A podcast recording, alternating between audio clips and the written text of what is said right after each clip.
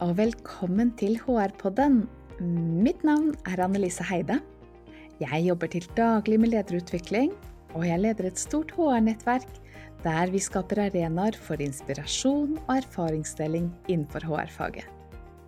Jeg jobber mye med ledelse i min hverdag, men på fritiden, da er det HR som gjelder. Jeg er rett og slett litt HR-nerd. Og dette her er en helt ny podkast for deg som liker HR.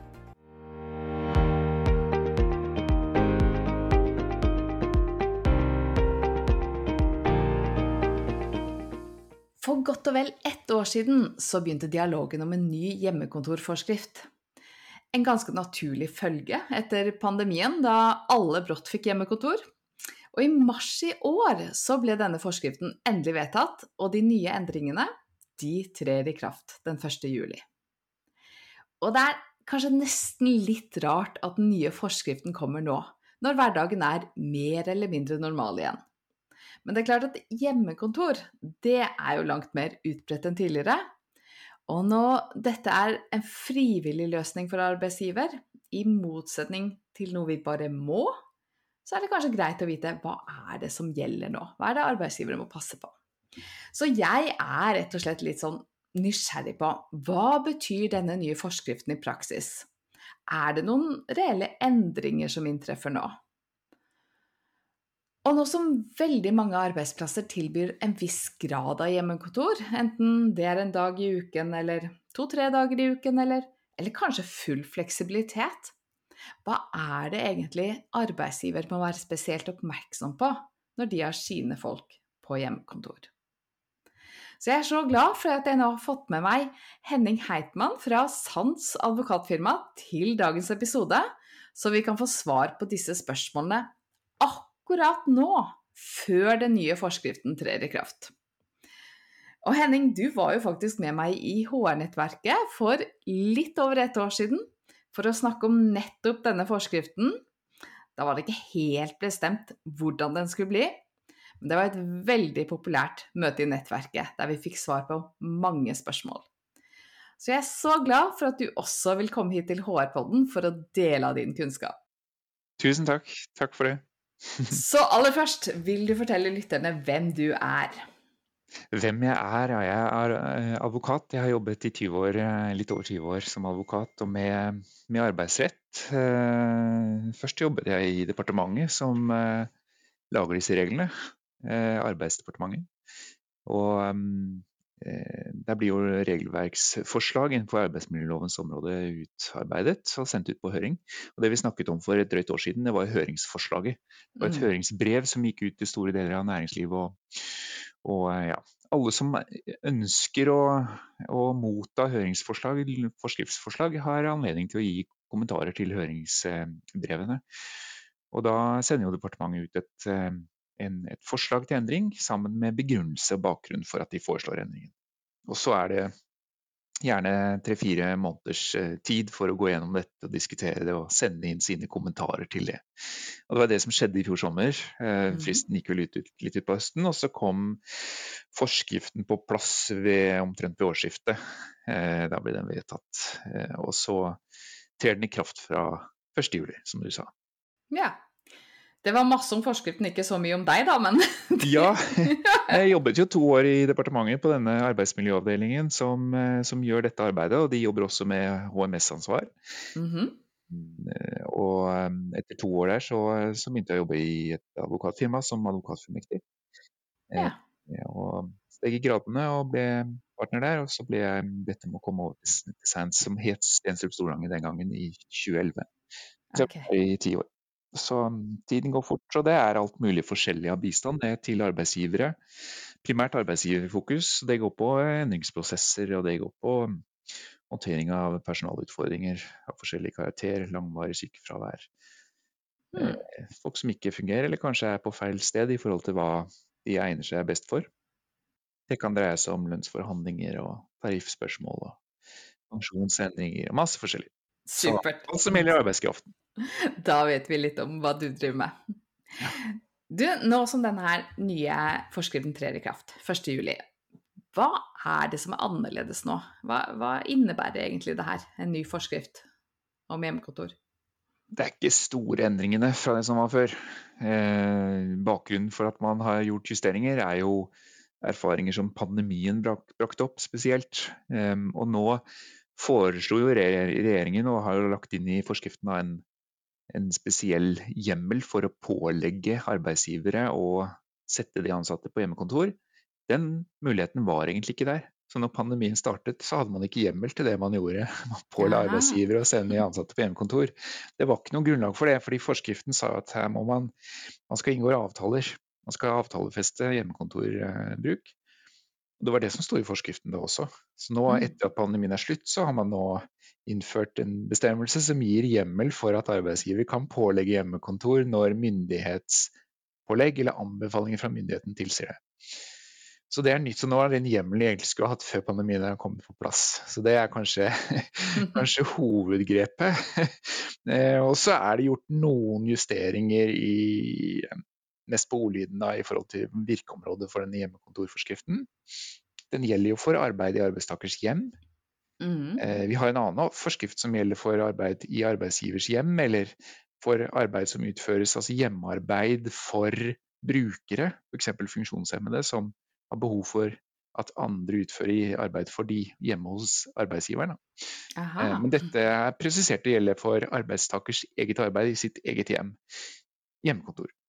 Okay. Det kan jo i prinsippet også være annet enn kontorarbeid. Det kan jo være eh, håndarbeid av forskjellig art eh, som utføres fra arbeidstakers hjem. Det er i prinsippet de samme reglene. Men det er jo kontorvirksomheten som hadde fått det store fokuset. Okay. Men, men, det er noen småting ellers òg. Vi går litt mer inn på detaljene. I hvert fall på HMS mm. så vet jeg det var noen presiseringer. Eh, ja. Eller jeg tror det var det. Vi får høre litt mer. Og så er det noe med Kanskje vi ikke var så flinke til å passe på disse reglene før heller, fordi det var ikke så vanlige folk på hjemmekontor. Nei, det var nok litt sovende, sovende eh, forskrift, rett og slett. Den fikk nok mye fokus den gangen den ble vedtatt eh, rundt 2002, siste endringene sist. Og og så har den ligget litt stille. Så er det sånn med forskrifter ofte at de blir litt aktualisert med i nyhetsbildet og sånn, så blir man mer bevisst på dem. For det er ikke, det er ikke nødvendigvis forskriften man leser oftest, det er loven som ligger nærmest å lese. Så står det ikke så mye i loven om dette.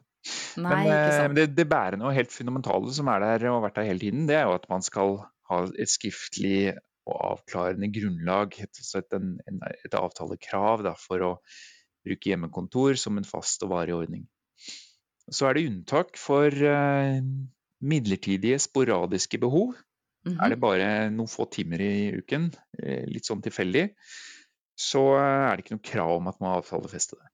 Men sånn som de fleste har i dag, at du har type kanskje én dag i uken, eller eventuelt to-tre dager i uken, eller at du kan velge selv, da må det være en skriftlig avtale, eller? Ja, når det er en fast ordning som er såpass mye som en dag i uken, så, så skal du ha en avtale i bunnen. Og det er blitt presisert nå i høringsbrevet i denne endringsrunden.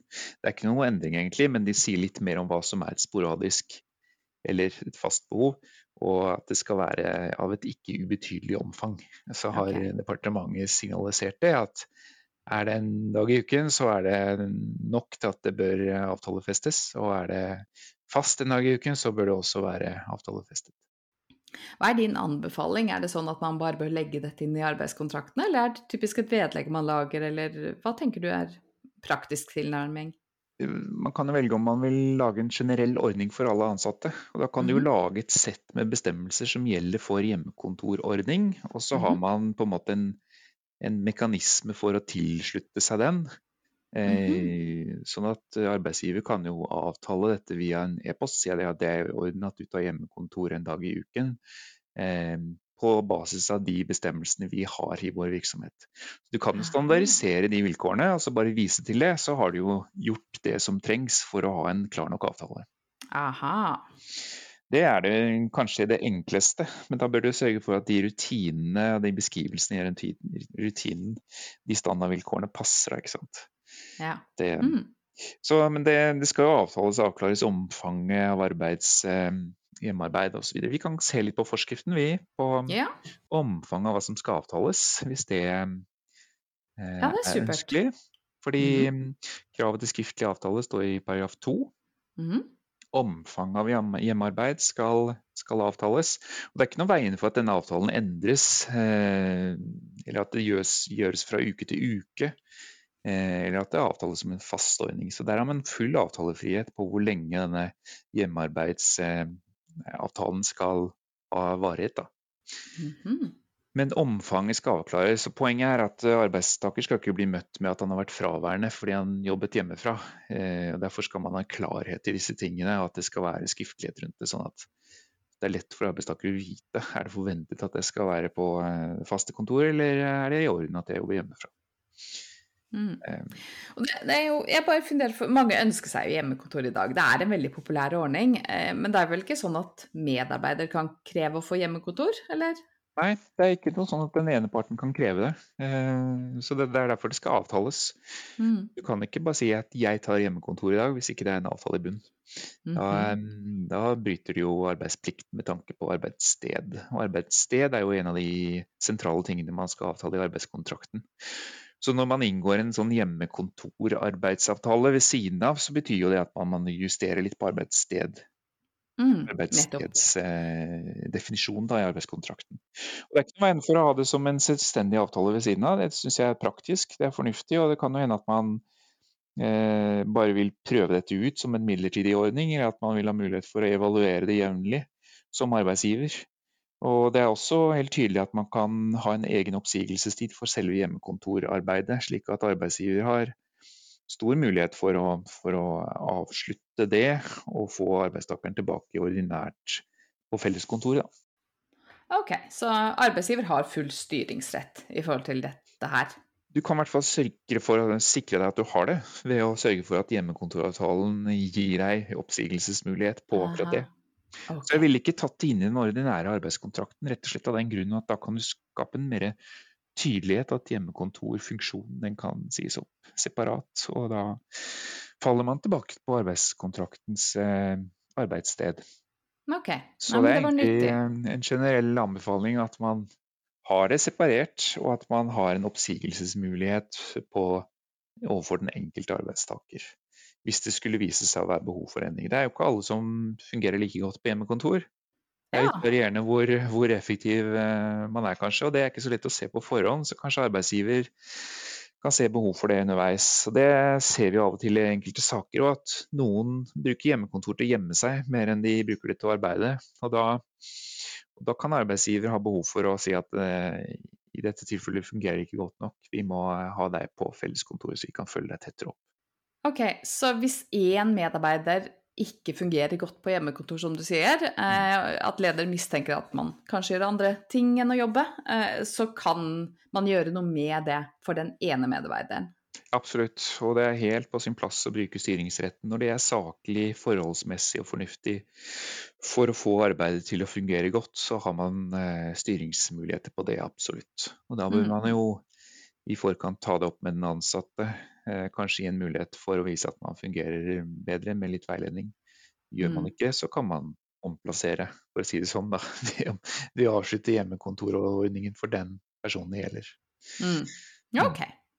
Du, eh, jeg husker at vi også snakket en del om dette med psykososiale arbeidsforhold, og at det var noen nye krav til ja. hvordan arbeidsgiver skulle følge opp det. Kan du si litt om det? De nye psykososiale kravene i, i eh, forskriften innebærer jo at disse kapittel 2, 3 og 4 som tidligere har vært fraveket, eh, i noen grad da vil fortsatt vil, de vil tre inn og vil gjelde i større grad, da, særlig dette psykososiale.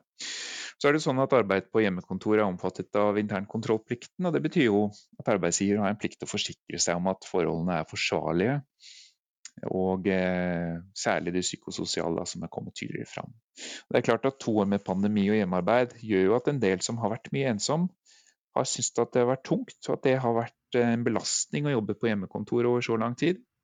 Mm. Og da, da tydeliggjør jo nå forskriften at, eh, at, arbeidsgiver har et psykososialt ansvar for de som er på hjemmekontor. Det betyr jo f.eks. at ledere bør ha en tettere kontakt mm. Eh, enn de kanskje ellers ville hatt. For å sørge for at folk har det bra rent psykososialt, at de føler at de er med, og at, de, at det er en mening med arbeidet, og at de blir sett på ting, og at de ikke blir oversett og føler seg utenfor. Ja, Så i praksis så innebærer det rett og slett at lederne må ha en, en, god dialog med de som sitter hjemme. At man må være opptatt av hvordan folk har det, og at det må være en del av den lederansvaret eh, som vi har i virksomheten. Ja, mm. det er helt riktig. Og det er jo viktig at det mm, blir ivaretatt, særlig når det er langvarig hjemmekontorarbeid og kanskje man har fulltid en god periode, så er jo det, så er jo det et um, tydeligere behov, da enn hvis det er en dag i uken eller to. så uh, Vi var ikke helt ferdig med dette med hva skal avtales, for da står det jo litt i forskriften uh, mer om det. Uh, når det gjelder arbeidstid for hjemmearbeidet, så skal det også i utgangspunktet avtales på samme måte som, som arbeid ellers. Men det er mhm. klart at de som har en særlig uavhengig stilling, de jobber jo friere i utgangspunktet, og det er ikke meningen at at idet man er på hjemmekontor, så skal det være strammere tøyler enn det som gjelder ellers. Så de som har fri og uavhengig stilling, så eh, mener jeg forskriften må tolkes slik at de, de jobber ut fra eget behov for eh, å bruke arbeidstid, sånn som de ville gjort det ellers. Mm. Og for andre da, som ikke har det? For andre som ikke har det, så vil jo vanlige arbeidstidsregler gjelde, med mm. begrensninger på ni timers dag eh, for ordinært arbeidstid og overtidsbetaling utover det. Og man må jo sørge for at man har en en avtalebestemmelse som, som, tydeliggjør at man gir beskjed hvis man har behov for å jobbe overtid, og at man har sånne vanlige mekanismer for å avklare den type ting, så ikke det blir tvister om overtidsbruk og sånn, fordi noen ja, bruker mer tid på arbeid enn forventet osv. Okay. Og så skal man jo avtale forventet varighet hvis dette er midlertidig. Eh, ja, adgang til å si opp hjemmekontoravtalen frister for oppsigelse på den. Eh, eventuelt prøvetid for hjemme, hjemmearbeid. Det går også an å avtale. Mm -hmm. og så skal man avklare hvem som skal uh, sørge for utstyr, betaling, kostnader rundt hjemmekontorutstyr. Og eiendomsretten til dette. Det er uh, også avtalefrihet på. Ja, Så det er ikke sånn at arbeidsgiver må dekke utstyr hjemme, det er noe som arbeidsgiver kan velge å gjøre? Absolutt, dette er full avtalefrihet på. og Det er jo ingen plikt til å jobbe hjemmefra, med mindre det avtales. Så da er det jo også slik at hvis arbeidstaker opplever at man blir pålagt hjemmekontor gjennom en sånn avtale, ja, så eh, kan jo arbeidstaker sette vilkår da, si at eh, ja, det er jeg villig til å jobbe hjemmefra, men da må jeg ha utstyr. Så da må arbeidsgiver bekoste, ellers så aksepterer jeg ikke å jobbe hjemmefra. Da får du litt sånn forhandlingssituasjon. Ja, Et så praktisk spørsmål der. For jeg vet jo en del eh, som praktiserer hjemmekontor i stor, stor, grad at man ikke lenger trenger å ha kontorplasser til alle. Mm. Har det noen betydning? Må du dekke Hvis du ikke likevel kan ta alle medarbeiderne inn på kontoret samtidig, for vi har ikke nok plasser, mm. vil du da måtte dekke noe av det utstyret hjemme? Ikke automatisk. Det er jo arbeidsgivers ansvar alltid å sørge for at de ansatte har det verktøyet som skal til for å gjøre jobben. Mm. Og hvis arbeidsgiver eh, disponerer sånn at ikke de klarer å, eh, å serve alle ansatte med tilstrekkelig utstyr, så bryter de jo forutsetningene for arbeidsforholdet. Så det er et arbeidsgiveransvar uansett. Så hvis det er sånn at man man baserer seg på at ansatte skal jobbe med eget utstyr eh, hjemmefra, så bør det jo bare være en tydelighet om det i arbeidskontrakten. Og det er ikke noe veien for å ha et arbeidsforhold hvor arbeidstakeren holder alt utstyret selv. Også selv om man har et fast arbeidssted med felles kontor, så er det ikke noe veien for at det avtales. Det er ikke noe forbud mot det i loven, men det er klart for de fleste virksomheter så er det jo mest praktisk at alle har lik datamaskin, så det fungerer godt sammen i nettverk osv. Ja. Eh, og for de fleste virksomheter så er det kanskje naturlig at man vil være med og sponse eller bidra med noe utstyr hjemme, så folk har gode fysiske arbeidsforhold når de sitter på sitt hjemmekontor, kanskje med en ekstra skjerm eller tastatur, mus, hva det skulle være. Altså, ingen er jo tjent med at folk ikke fungerer godt, og at mm. de får vondt i ryggen eller må redusere arbeidstiden eh, fordi, fordi, de ikke klarer å fungere godt med det utstyret de har. Så det, det er klart at også nå som det er kamp om, eh, kamp om eh, arbeidskraft, så er det klart at knappheten gjør også at arbeidsgiver strekker seg lenger for å, for å få en en velfungerende eh, arbeidshverdag for, for alle ansatte. Absolutt. Så praksis er vel at man gjerne støtter, men nå var vi bare ute etter å sjekke litt det juridiske, da. Hvilke krav ja, er det? Ja, det er ikke noe juridisk krav om det, så um, det blir et spørsmål om hva som er hensiktsmessig. Og så kan man også avklare om det er spesielle krav til saksbehandling, taushetsplikt og oppbevaring av dokumenter. Jo, Ah! ja, da bør man også avtale om det, og at det bør inngå. Da. Har man en ansatt med taushetsplikt eller sensitiv informasjon, så bør man tydeliggjøre f.eks. plikt til å låse inn dokumenter og ja, ha ting forsvarlig lagret. Og det har jo også en side mot personvern og sensitivitet på data og det å ha, ha informasjonssikkerhet også utenfor kontoret når det er snakk om hjemmearbeid. Det er klart, det var et godt Det kan vi bare nevne sånn på tampen før vi forlater akkurat det avtalespørsmålet. Mm. Mm. Du, jeg lurer på litt dette her med forskjellsbehandling innenfor en virksomhet. For det er jo mange steder nå at man sier at lederen får vurdere hva som er mest hensiktsmessig for mitt team. Mm. em, I forhold til det arbeidet skal gjøres, hvordan vi ivaretar kunden på en god måte, hvordan teamet fungerer best mulig.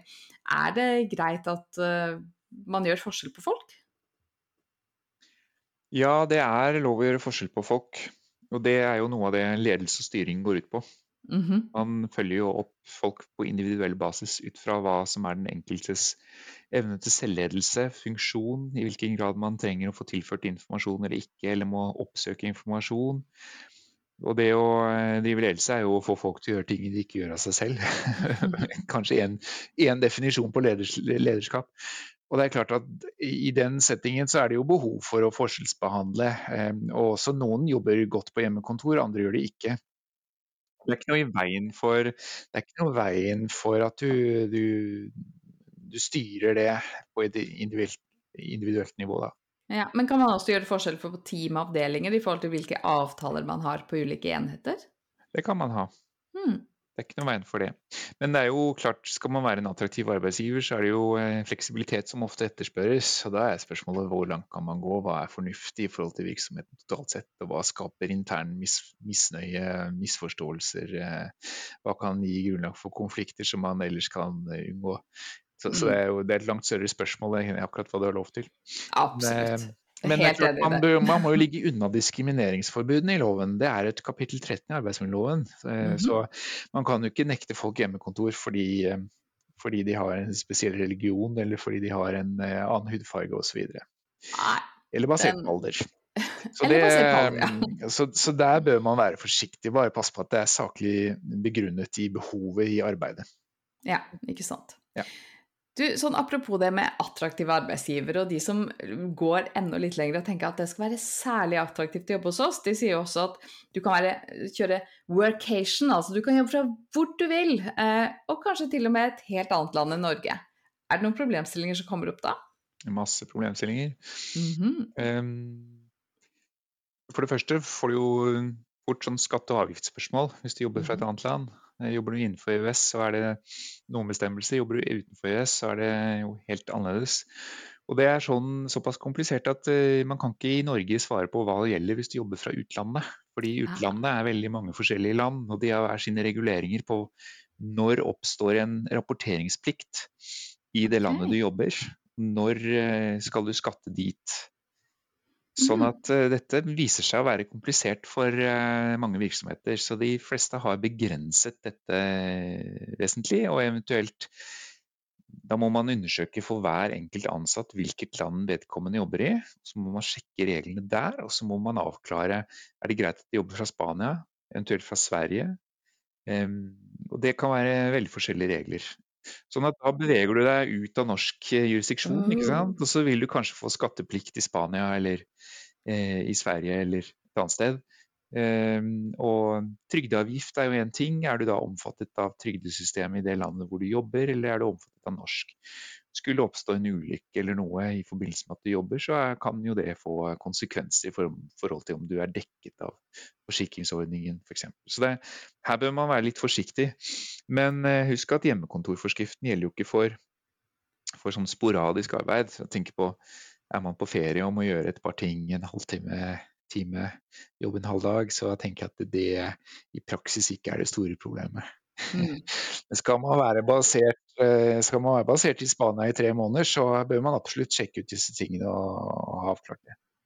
Ja, og det gjelder selv om det skulle være snakk om en uke eller to eh, som du velger å jobbe i et annet land. Så er det noe du bør sjekke ut i forkant? Er det riktig forstått? Ja, yeah. okay. skal du være helt nøyaktig, så er det svaret på det ja. Men uh, som jeg sa, dette er forskjellig fra land til land hvor, hvor rigid det er. Mm. Men det er, å, det er noe som er greit å være oppmerksom på, høres det ut som. Ja, så er jo oppdagelsesrisiko et annet spørsmål enn hva som gjelder. Og det er klart Mm. at eh, jeg tror ikke spanske myndigheter går rundt og sjekker sånt eh, når folk er på ferie, om de jobber litt på hotellrommet. Eh, så oppdagelsesrisikoen er jo hyre lav, så jeg tror ikke problemet er så stort i praksis. Nei, Nei. ok. Den er grei. Du, er det noe annet vi burde vært inne på som vi ikke har snakket om i dag vedrørende hjemmekontor? Arbeidsgiver skal jo ikke dra hjem til den ansatte og sjekke kontoret. Så når det gjelder oppfølging av denne internkontrollplikten, så det kan jo nevnes at der har man jo også nå tydeliggjort at Arbeidstilsynet kan eh, drive tilsyn med hjemmekontorforskriften og etterlevelsen av den. Det Mhm. betyr jo i praksis at de skal sjekke om du har avtale på plass for de som jobber hjemmekontor, om denne avtalen er god nok, om den Mhm. omfatter det den skal. Og om du har internkontroll som også omfatter spørsmål knyttet til hjemmekontoret. Men det er ikke åpnet opp for at Arbeidstilsynet kan dra hjem og sjekke kontorene, og heller ikke arbeidsgiver skal gjøre det uten at den ansatte eventuelt inviterer til eller samtykker til det. Så, så man har ikke tatt hull på privatlivets fred med disse endringene. Det gjelder fortsatt. Så den internkontrollplikten må man rett og slett bare følge opp med i form av en egen erklæring, og at man stiller noen helt sånne sentrale spørsmål rundt dette når man har eh, internkontroll rundt. Det er tilstrekkelig. Strål. Tusen takk for en fin oppklaring og presisering av den nye forskriften. Takk for at du har bidratt, eh, Henning Heitmann. Bare hyggelig å være med. Takk skal du ha. Var dette nyttig? Tips gjerne en venn eller kollega om denne episoden, slik at flere kan få glede av det som vi deler. HR-podden er en helt ny podkast, og vi trenger din hjelp for å nå ut til flere lyttere. Og du, om du har lyst til å høre fra oss igjen neste uke, da kan du abonnere for å få neste episode direkte i din podkastfeed på Apple eller Spotify. Du kan også bli med i Digitalt HR-fellesskap på LinkedIn for å få tips om nye episoder. Vi høres!